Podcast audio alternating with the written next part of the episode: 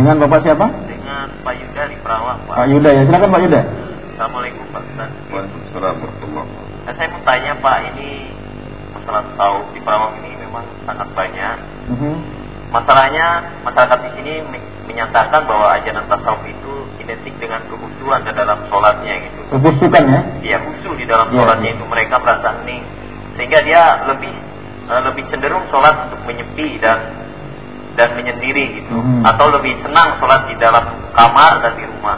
Sementara kalau di masjid tidak ada kehusuan di dalam di dalam sholatnya itu. Jadi yang dimaksud dengan kehusuan di sini di dalam di dalam yang diajarkan oleh Rasulullah itu adalah kehusuan dalam keheningan dalam bersolat atau khususnya sholat itu bagaimana gitu menurut pendapat Bapak? Gitu saja Pak. Iya. Assalamualaikum warahmatullahi wabarakatuh. Waalaikumsalam warahmatullahi Pak Yuda dari Perawang.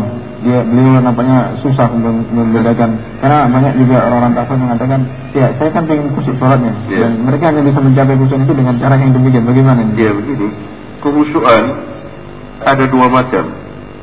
Kehusuan yang kita usahakan, kemudian Allah membantu kehusuan itu. Dan diajarkan oleh Rasulullah SAW, diperintah oleh Allah Subhanahu Wa Taala dan Rasulnya, dan kehusuan yang dimasukkan syaitan ke dalam hati seseorang sehingga ia menjadi khusyuk dalam meyakini keyakinannya atau dalam mengerjakan perbuatannya. Lihat, bagaimana cerita tadi seorang sholat sendiri dalam kamarnya, dalam heningnya, dia bisa khusyuk daripada dia sholat di masjid.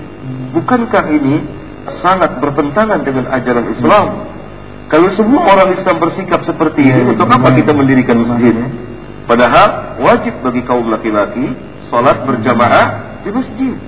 Nah, lihat, itu salah satu contoh. Yang, yang kedua, khusyuk itu eh, bukan bukan berarti tidak mendengar sesuatu. Berarti kalau tidak mendengar sesuatu, imma telinganya tuli atau dia tidak sadar. Kalau tidak sadar berarti tidak wajib sholat dia.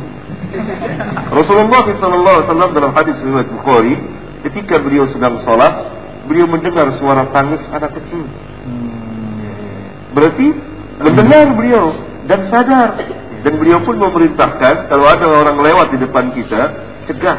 Berarti kan melihat dan beliau sholat berjamaah bersama kaum muslimin di masjid. Dan bagaimana syaitan memutar balikan dan bagaimana jauhnya ajaran tasawuf dari Islam itu sendiri. Mungkin gambaran lebih sederhananya kalau kita bicara khusyuk orang-orang pertama juga khusyuk. ya.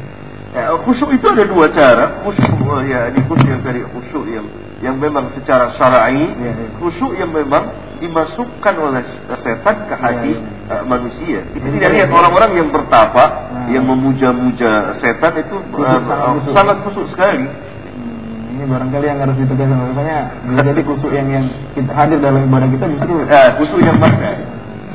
Khusyuk yang mana?